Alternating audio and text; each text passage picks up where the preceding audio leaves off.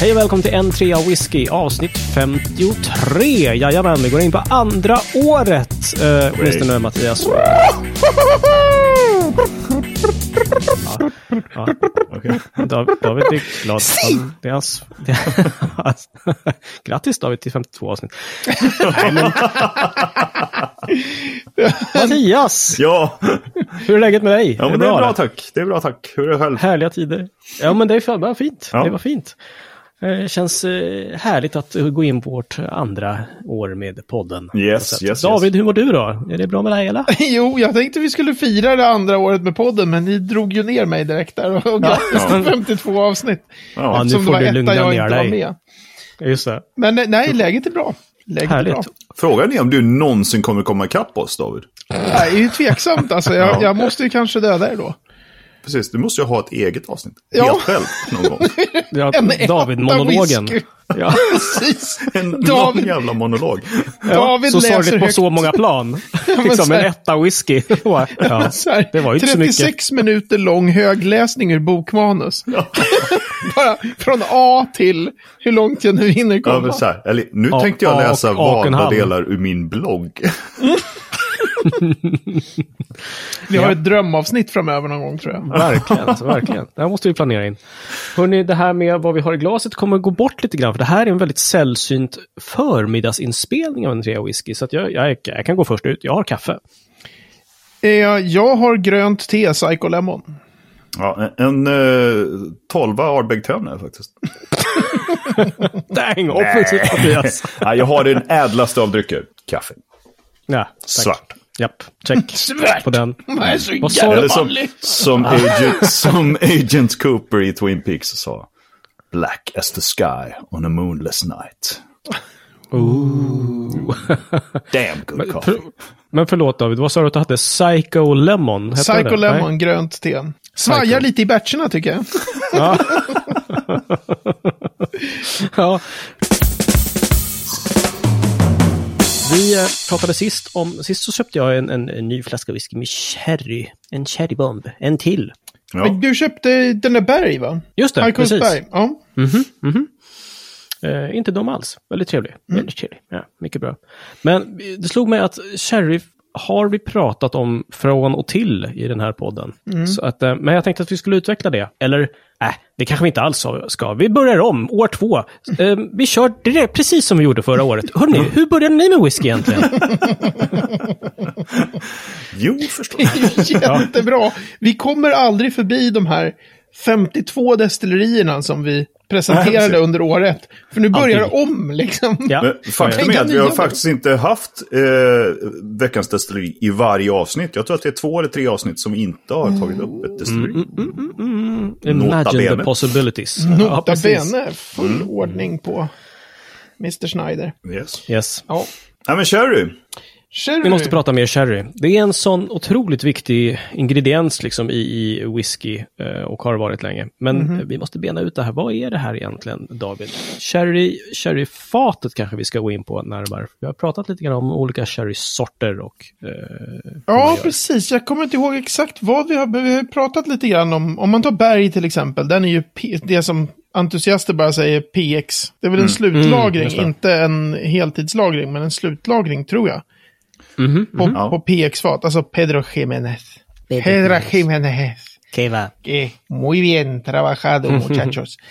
Ehm, så, och jag tror att vi har pratat om det, alltså PX, men att de flesta sherryfat har den här sorten som heter Oloroso.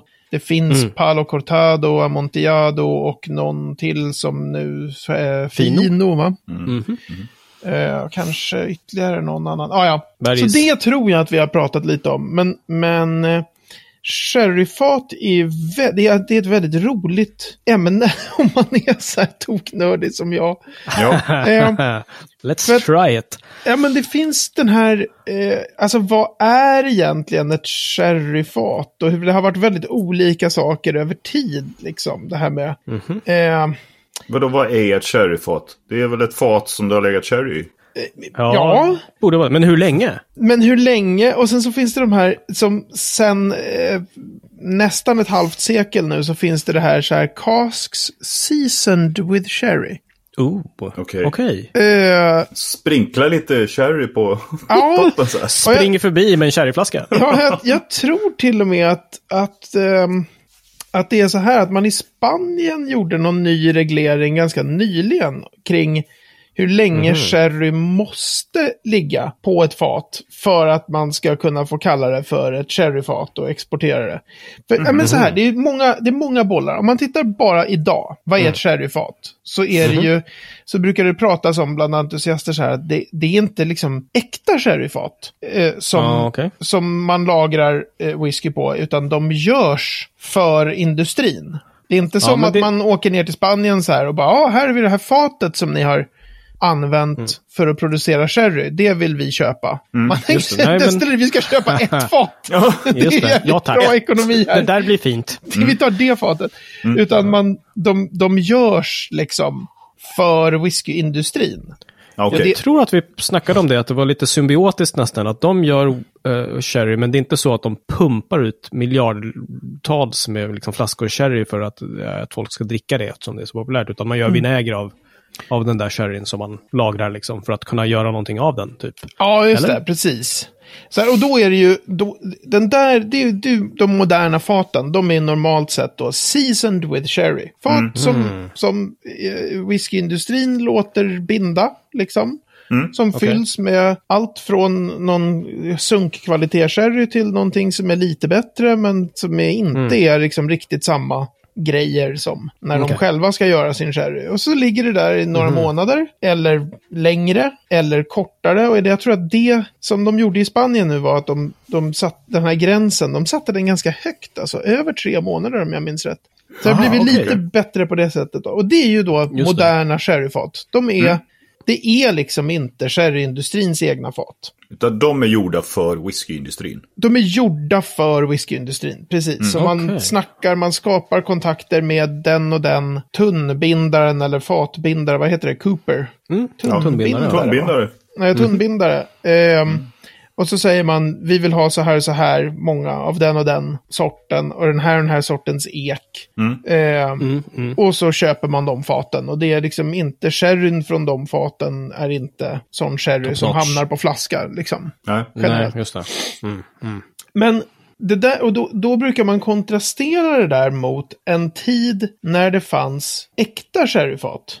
Som i betydelsen att det här är, har lagrats länge och dricks sen. Eh, liksom, Precis. Alltså, Och då- fin kvalitet sherry. Liksom. Fin, fin sherryfaten som var Mm. fram till när det nu var, alltså den här förändringen mot, det är alltid lite luddigt med när egentligen, när bestämde Spanien, för de gjorde en, ett beslut, de fattade beslut om att sherry inte får exporteras på fat. Jaha, Utan det okej. måste exporteras i flaska. Kanske okej. också i sådana här som heter IBC, alltså sådana här intermediate bulk containers. Eh, Ja. Typ plasttråg Ja. eller metall, alltså någonting som inte påverkar sherryn.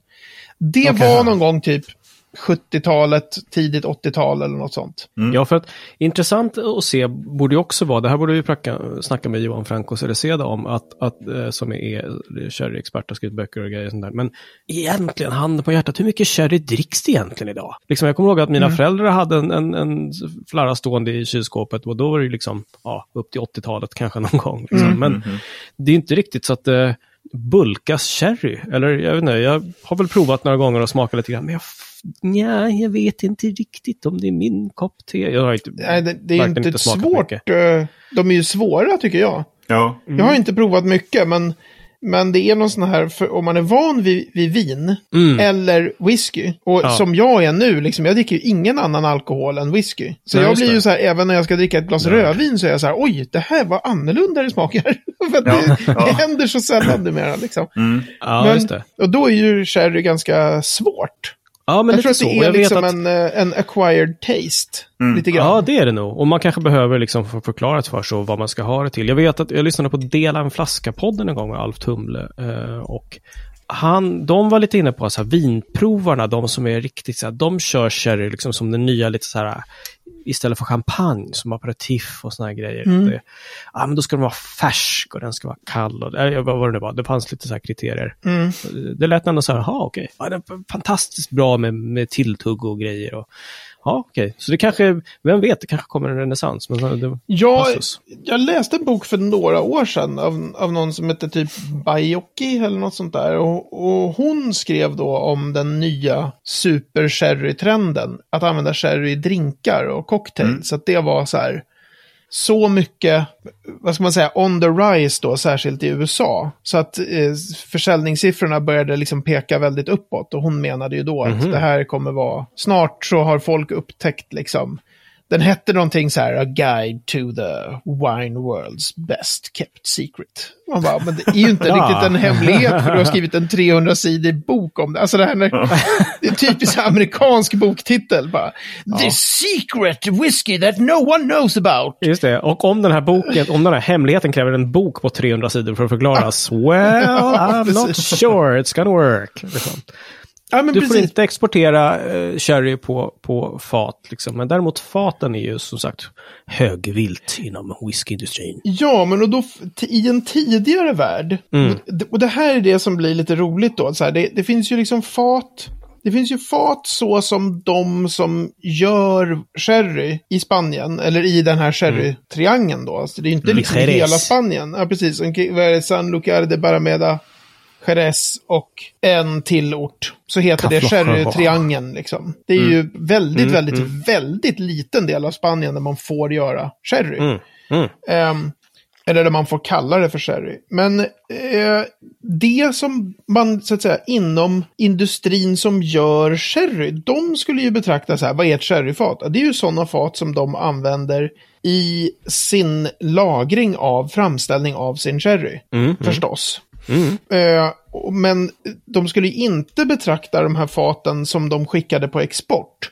Som ofta var ganska nya och som man band sådana tunnor för att skicka över sherryn till England då. England har ju sedan flera hundra år varit den största konsumenten av sherry. Ja, nu vet jag inte Precis. hur det är liksom de senaste typ hundra åren, men eh, jag menar, eller åtminstone de senaste 60 åren, men England har varit en gigantisk marknad Ja, eh. Mm. för exporten. Då har, man, då har man haft någonting som då heter, som man i, i, i Skottland säger är transportfat. Det vill säga Ja, det. fatet som man skickar sherryn i. Aha. Och det var ju fat som gjordes, som från spanjorernas perspektiv var så här, typ, ja men bind en tunna då, så fyller vi den med den här sherryn och så skickar vi iväg den. Det var inte deras, de skulle ju aldrig ha betraktat det som ett sherryfat. Nej. Utan aha, okej. från deras ja. perspektiv så är det bara, inte transportfatet utan då, säger jag som precis har börjat läsa eh, om detta lite på spanska, det heter då en bota de exportación. Alltså Aha, fat, ett exportfat helt enkelt. Ja, okej. Aha, all right. Så att, okay, så att du får skicka fat, men de ska vara... Det är inte de som du har lagrat sherryn på. Alltså man får inte det, Det nu, men det här var innan då. De Ja, det här- var innan? Okej, jaha. Det här var innan. Då skickade man dessa Bota de Exportación som var då ganska nya fat.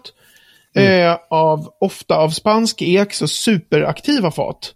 Eh, för de var ju nya och sen så fylldes de med den färdigblandade sherryn från den här Solera-lagringen. Och så skickar man det till England. Och i England så dricker man den här sherryn. Och sen är fatet tomt och då hepp till whiskyindustrin. Det är ju Ja, right, väldigt. Mm. aktivt typ av fat. För det har ju inte, liksom, har inte bundits för att egentligen lagra sherry, utan bara skicka iväg den liksom, till England. Mm. Och de där har man då från, från någon slags entusiastperspektiv sett som så här, det där var de äkta sherryfaten på den tiden. Ja. Men från ett Jaha. spanskt perspektiv så skulle de vara så här, vadå äkta sherryfat det där? Det är liksom bara någonting vi gör för att skicka sherryn till er. Jaha. Alltså hade de haft typ plasttråg på den tiden så hade de ju skickat sherryn i det. Ja, men, Men det fanns inte den liksom, vanan eller traditionen så. Men det där är ju superintressant. Jag menar, frå- från Spanien till Eng- hur lång tid kan det ha tagit att skicka ett fat? Det är inte så det rullar för hand liksom, så att det tar liksom... Nej, men de är ju då, de där exportfaten var ju från en spansk tradition preciserade i sin storlek. Så de var Mm. på 500 liter. Så det tar ju ett tag att dricka upp det i England. Ja, det var ju det från en så. tid, Mm. liksom, om man hade det på, på säg 1850-talet eller, alltså det fanns Mm. ju sherryimport till, till England på 1400-talet. Så att Men, Menar vi, men, men då har vi ju inte liksom någon whiskyindustri som bara... Nej. Men, Ja, det finns väl några som hävdar att de startar. jo, det fanns whiskyproduktion liksom, men, men, men, men inte liksom på det sättet att, att man hade en sån här symbiotisk relation. Det är ju mer 1800-tal som det växer fram. Så. Mm, mm, just det. Men så man hade ju då, i en tid när man inte normalt sett drack från flaska. Nej, just det. Och petflaskorna var inte att tala om. Ja, men Nej. precis. Och så har du liksom att eh, puben bla bla bla köper sig en sån här, ett sherryfat. Mm. Det, det tar ju lite tid liksom för dem att tömma ett 500 liters fat ändå.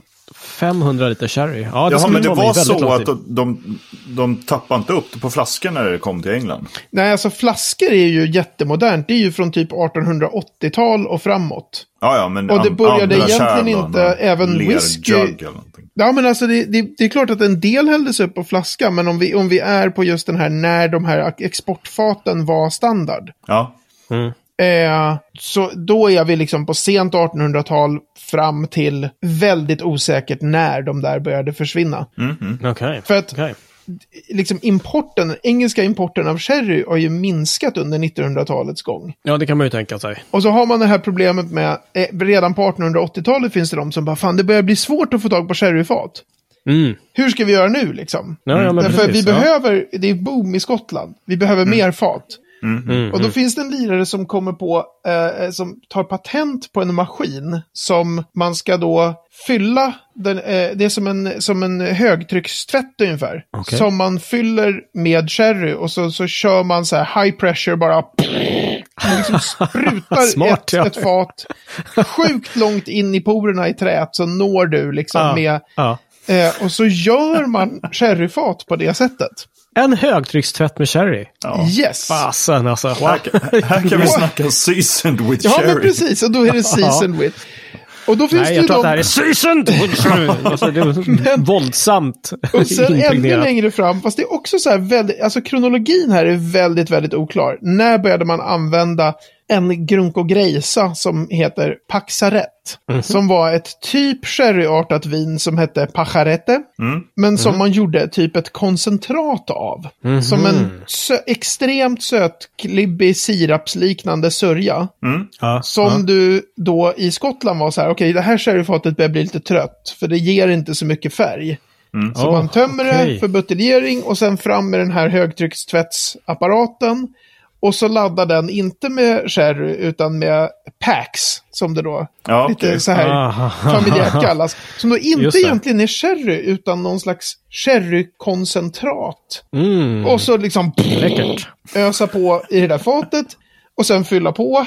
Och så har man kallat det för sherryfat. Och sen blev det förbjudet 1990. Ja. Ja, Då var det så här, Ja, okej. inget för att man ser det som, man ser Paxaret som ett färgmedel. ja. Mm. Man använder Ja. det för att, för bara, nej men det är inte så mörkt. Vi, ja. Vi paxar upp fatet liksom. Och då finns det, då har du helt plötsligt folk idag som är så här, vi saknar typ Macallan, deras gamla, den här sherrystilen som de har tappat. Och då finns det de som säger, men det där är inte liksom äkta, det är ju deras Paxaret-fat. ja, Det var fusk liksom. ja. Just det. Ja. Och finns det de som säger att de här Paxarettfaten, fy fan vad vidrigt det var. Och så är det andra som säger, nej, nej, nej. Paxarettfaten, det var, Det är vad bra whisky den gav. Okej att det sen blev olagligt, men, Ja. men det var kanonbra. Och sen har du de som säger, de här transportfaten, det var liksom de riktiga faten. och sen finns det någon allmän känsla av att sådana här seasoned with som man kör med idag, det är inte Ja. äkta fat. Och då kan man fråga sig, Så, when were they det då? ever real? liksom, när det är sånt Ja, men det, måste, det måste väl finnas äkta fat, alltså fat som har använts för att tillverka sherry som inte blir vinäger utan som dricks Mhm. som sherry. De, de måste ju finnas, kanske inte så många, men det måste ju ändå finnas sådana. Absolut, och det, de brukar ju då i- kallas för typ bodegafat eller solerafat. Ja, Så sådana som faktiskt har använts då I- i, i bodegorna. riktig Bodega är ju hela företaget som lagrar. Mm. Och som vi normalt säger så är soleran alla fat. Men det är egentligen, soleran är egentligen det här understa fatraden. Alla andra fat heter egentligen Criadera, men det är Ja, okej. liksom... Aha, okej. Ja. Men sådana fat skryter man ibland i Skottland med att så här, det här har använts liksom för sherry i bara hundra, här är ett hundra år gammalt sån här typ bodega-fat då, eller eh, solera-fat.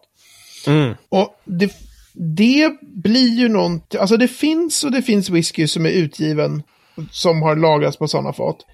Mm. Tricket där är att det är inte bombsäkert att det är sådana fat whiskyindustrin egentligen vill ha. Nej, just det. Att- Nej, men nu har man ju ställt in sig, liksom, eller eh, de som konsumerar har ställt in sig på en viss stil och Exakt. smak. Så att, eh, ja, Och sen det vore liksom- superspännande att jämföra. Ja, och, och det, det roliga är att så här, de, de, den typen av fat som har an, verkligen har använts för sherry, de, alltså när man gör sherry, då vill man ha jättelite ekinflytande. Du vill ha ett fat som är i princip stendött. Ja. Du vill liksom inte att Okej. eken ska in. Så att du, Nej. inom sherryindustrin är det så här, det här fatet har vi använt i hundra år, det är perfekt. Eken ger typ ingenting längre. Nej, men precis. Snacka om Eh, trötta fat. Varsågod. Precis, det ska vara supertrötta fat. Och det är också därför de ogärna släpper ifrån sig de faten. Ja, ja. När whiskyindustrin kommer och säger så här, vi vill ha, vi vill kunna säga att vi har the real Gonzales Bias Cask, Rabbly Habbly Who, alltså Richard Patterson där på Dalmore, som är så bra på väva snygga stories liksom. Just det. Men det är ju, det man får när man lagrar whisky på ett sånt fat är ju, du får ju sjukt mycket sherry ur fatet. Mm, mm. Mm. Förstås. Hey. Du har liksom, du har så här eh, hundra år av asgammal sherry som har, alltså det är en blandning av gammal och ung sherry. Det är ju hela grejen med Solera-systemet. Men du får ju liksom inte eken. Nej. Och det blir ju väldigt konstigt för, det blir någonting väldigt, väldigt, väldigt annorlunda. Och det är inte alls säkert att det liksom är någon bra whisky. Det är inte heller någonting som skottarna har gjort förr. För de använde ju förr transportfat som inte var solerafat. Så det finns inget så här, nu har vi ett Ja, äkta fat. Nej, nej, Ett sånt det. fat vi aldrig har använt faktiskt någonsin.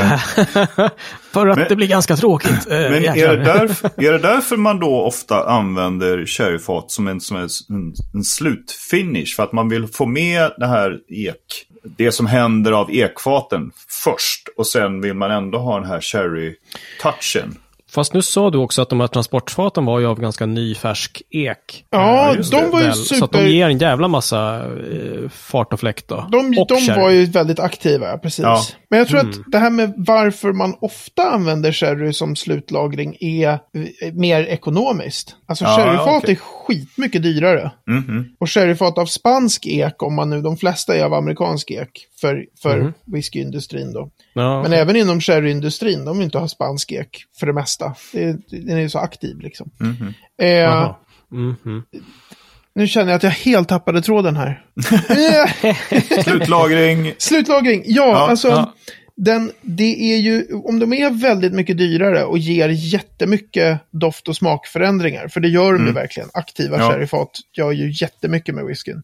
Ja. Då kan du ju få ut fler whiskys om du använder dem som slutlagringsfat. Ja. Men det finns ju massor, jag menar, sådana här sherrybombsdestillerier, traditionella sherrybombsdestillerier, de kör ju fulltidslagring i sherry. Alltså, ja, men precis. Jag, numera Tamdo, Macallan är ju det klassiska historiska, Glendronach, eh, Aberlour, de kör ju liksom eh, 100%, eh, eller ja, inte, de kör inte 100%, men de, de eh, kör sherrylagring från dag ett. Liksom. Ja. Mm. Men de är då så galet mycket dyrare, så det är ju skitmycket billigare att köra på bourbonfat. Och mycket riktigt finner vi ju att bourbonfat är överlägset mycket vanligare. Ja. Ja.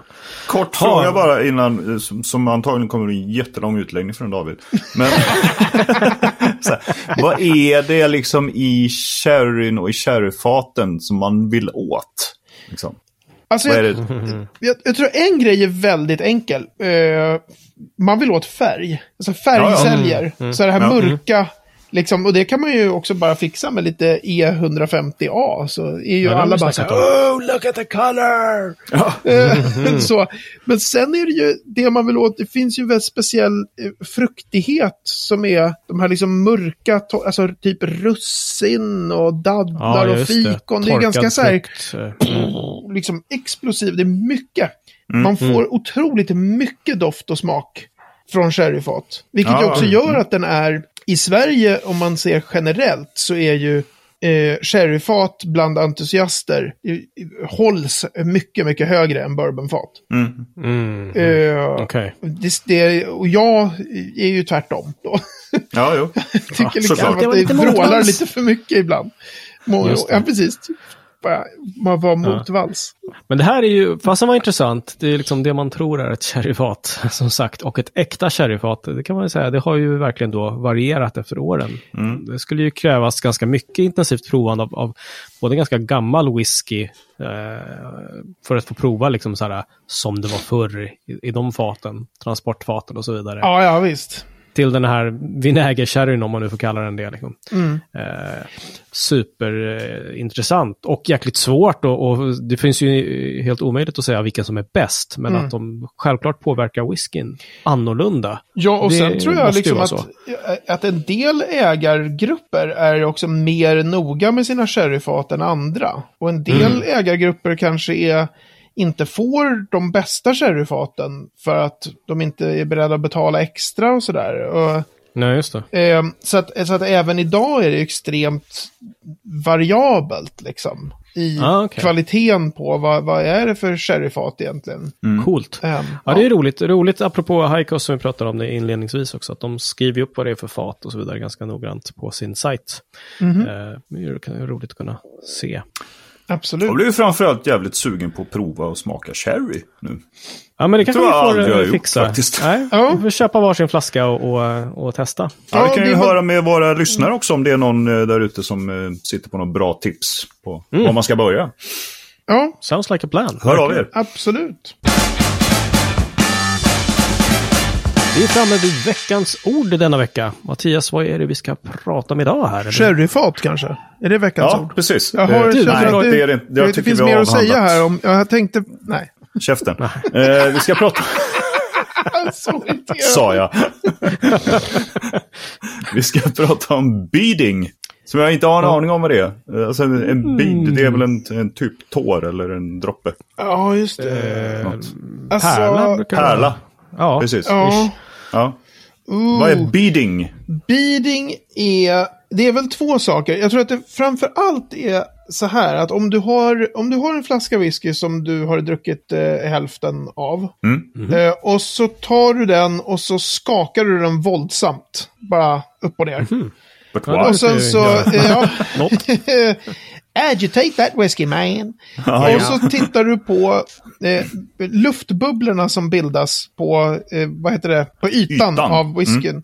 Och då är det så här, hur stora de är och hur länge de ligger kvar säger någonting om whiskyns alkoholhalt. Det kan du göra också om du har eh, i ett bara vanligt whiskyglas, Glencairn-glas, och har en trea. Och så sätter du handen över och så bara skakar du whiskyglaset som en galning. Eh, och det är, no det, är, det är någonting med att man kan, alltså jag kommer inte ihåg åt vilket håll det är så här, om det är så här stora bubblor försvinner fort, är, är då låg eller hög alkoholhalt. Alkoholhalt. Ja, okej. okej. Eh, eller om det är lo- stora bubblor försvinner långsamt eller små, eh, små bubblor försvinner långsamt. Det är nog mer min, bara från, från minnet att man kan s- göra det där och säga så här, vad fan, de ligger bara kvar. Och det säger någonting om alkoholhalten. Så det är en sån här Okej. grej som hembrännare traditionellt Ja. har gjort för att se, har vi nått upp till proof? Och så Ja. tar de sin spritflaska, skakar den lite och så är man skicklig hembrännare sedan 30 Ja. år så kan man bara säga så här, den här ligger liksom 11 overproof eller den här är... Alltså, de, du har sett på, på 43,56. YouTube någon gång någon sån här gammal, verkligen sån här du vet, American Mm. This moonshine here. Och så bara, bara det, det kommer vara den här proof. Och så har han helt rätt liksom. Ah, Okej, coolt. Underbart. Men sen tror jag att det, är, att det också kan vara det här med hur man tar whiskyn och, och, och snurrar glaset försiktigt och ser hur det rinner ner. Ja, ja, ja. Jag tror att det också kallas för beading, eller så är det, kan heta det någonting annat. Ja. Det är ett typiskt sån här trick som typ alla andra som kan lite om whisky kommer ihåg och gör. Och som min hjärna är, den kan inte ta in den här informationen. Jag glömmer alltid. Det är någonting med, jag tror att det är så här, jo men så här måste det ju vara. Ju, ju mer det, ju långsammare det rinner ner, desto högre alkoholhalt. Och det kan jag bara gå på minnet. Alltså har man Ja, så här typ okej. 60-procentiga f- unga fatprov från box. Då kan man ja. få så här att det, att det sitter prickar av whisky uppe på glaskanterna. Som ja, aldrig, ja. de bara bor där. De Okej. bosätter sig där liksom. Ja. De kommer aldrig ner. Vi flytt inte. Men om det är beading eller inte är jag lite osäker på. Framförallt är det de här luftbubbla-grejerna. Ha. Ja, ja. Men det är det här när du sa att man skulle sätta handen på glaset och skaka, då får jag såna här hemska gamla associationer till Sambuca Snortshot. Kommer ni ihåg dem? Har ni varit med om dem? Nej. Man har lite så här gl- nubbeglas typ, häller upp Sambuca i, tänder eld på skiten så att det börjar brinna, sätter handen på så att det blir vakuum. Sen ska man skaka glaset så här ut, ja nu ser inte ni, men man håller bara, det sitter fast i handflatan så skakar man det. Så du ska inte Sen hålla i lyfter den man lite mer? snabbt, sniffar in det och sen downar hela drycken. Om man drar åtta sådana på ganska kort tid, Ja, vad händer då ja Mattias? då händer det att man får smeknamnet Mud Vader Ja, det var då. Det var då. på en Finlandsbåt. När du med, med, med ålning medelst hasning tog dig fram i, i korridorerna. På, Exakt, vad- vad- och lekte Ja, okej. Star Wars. Herregud, herregud. Sidspår, men Ja, lite då. fick ni reda på lite mer än, än vad ni kanske önskade om mig. Och det här var ju också förra veckan. Nej, nej, Nej, Niklas Erik Jesus. nej. Det är preskriberat. Men en, en kul grej med beading bara, Mm. som man kan göra är häll upp en whisky från din flaska i ett glas, typ en etta, ett, en och en halv centiliter. Ja. Skaka din flaska våldsamt, häll upp whiskyn i ett glas bredvid och så kommer den dofta och smaka olika. Okej, Det här är så Man weird. bara, det måste jag testa. Ja, jaha. Physics. det är crazy. Just play with it. Som sista punkt idag, veckans destilleri. Och här kan man ju säga att vi faktiskt fortsätter i sherry-spåret. Är det inte så, Mattias? Eh, ingen aning faktiskt, men det gör vi säkert. Eh, David, du ska få tre minuter om Glendronach. Ah, ja, det, är ett sånt- det var roligt. Eh, eh, Cherrybombs destilleri just. Yes! Eh, Men är det rökigt? Nej, förlåt. Jag ska sluta med det här, detta år. Det är nytt år, kom igen nu. Ja, Hitta nytt på år. något nytt nu. Nej, nej, nej, nej. Jag tycker jag gillar den här. Du får bända loss mina fingrar från sargen. Ja. Och sen släpper det. Du kommer säga sen så här, men är det sherry kommer du ha som. Ja, just det. Precis. Jag kanske ska förnya mig. Okej, Glenn Dronach. Eh, Kan det vara, det är så här 1820-tal destilleri tror jag. Men, men inte 24, 26, 28, 1826 kanske. Okej. Ehm, okej. Det är ett Cherrybombs-destilleri. Det finns jättemycket roligt att säga om Glenn det, det är väldigt, väldigt populärt i Sverige. Mm. Det är... Eh, alltså jag har provat Glenn som, som jag har sagt, eh, blindprovat och sagt så här, det, det finns ingen chans att den här whiskyn är buteljerad eh, liksom mer modernt än 1970. Och så var det en Glenn 15 år gammal. Jag, jag, det var så Jaha. old school liksom. Jaha, okej. Ehm, och jag tyckte den var svingod. Eh, men de är också ganska variabla, eh, Glendronach. De, det kan vara lite så här. Men i alla fall. Eh, Mhm. De har lidit lite grann av att de hade ett produktionsstopp. Nu ska vi se. Är jag så galen så jag kan de här åren utan till? 1996 Probably. till 2002, tror jag. Jaha, hade de ett... Så var det, så Okej, var det ingen säkert. produktion. Ganska länge. Och det har ju gjort att de har fått problem sen med 12, 15, 18, 21 year old. När de sen Ah. Liksom sitter på, de ska ge ut liksom en 15-åring och så bara, nej men det var... Ja, det är tomt här i lagerhuset. så den är, de är, man ska vara ganska noga i modern tid om man provar en just Glendronach 15, Glendronach 18, Glendronach 21 med när den är buteljerad. För då kan man räkna ut att ofta är de asmycket äldre än vad som står på flaskan. För att de är starka varumärken. De vill inte bara s- dra in liksom Glendronach 15. Nu är 15-åringen 15 år igen. Ah, Eh, okej. För nu är vi ju förbi det här, att det är 15 år Just det. sedan produktionsstoppet. det. och då helt, sa ju alla så här, gud vad Glendronach 15 har blivit dålig. Och var det mer så här, ja fast det är för att den är 15 år nu. Mm. Ja, Den var liksom var typ kanske- 20 år gammal, men det stod 15 på flaskan. Wow, Um, okej. Glendronach är också känt för att de ger ut enorma batcher av single casks. Alltså det finns, ja men de måste ha gett ut lätt mer än tusen single casks i modern tid. Ja. De är också ett roligt exempel på varumärke. Jag hittade ett foto från typ 2005 eh, Mm. från destilleriet där det står Glendronach, Home of Teachers Whiskey. Det var det det var då. Det var liksom Det var en känd blendingrediens. ingrediens i, i Blenden Teachers. Okej. Och sen började det, eh, och det fanns som singelmalt eh, varumärke då också, men det var liksom det som det var känt för. Och det är framförallt Ja, den här Billy Walker som bytte det till The Glendronach. Ja, Som han- gjorde det The till eh, ett ja. gigantiskt liksom, varumärke. Okej. Nu har det gått över tiden, men ni, vi flamsade så mycket där så jag fick det. Men David, du svarar ju aldrig på Jerons fråga. Är det rökigt eller orökigt? Ja. Det är orökigt. Ja, Sorry. tack. Åh, Och jag kan flika in då att min sista dram igår kväll var ju en Glendronach faktiskt. Ja. Mm. Alltså för mig är de... 18. Som jag somnade ifrån. Så god var den. Det är för dåligt. Ah, uselheten. För mig är de allt från sinnessjukt bra till eh. Så det är väldigt liksom variabelt eh, för min del. Men, men Okej, Har du en egen favorit? Det är sista vi...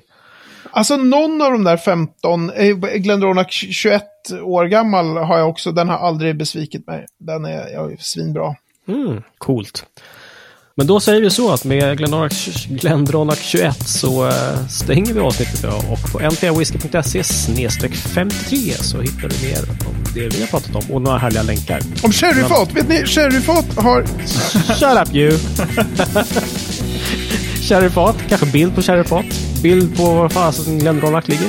Karta heter det. Det är vanligt i folk faktiskt. eh, hör av dig till oss. Hej whisky.se är vår adress. Det är bara att mejla eller kolla på oss på Facebook. Facebook.com whisky.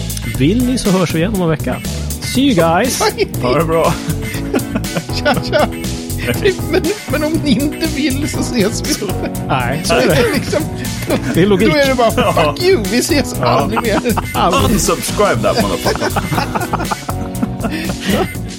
Japp.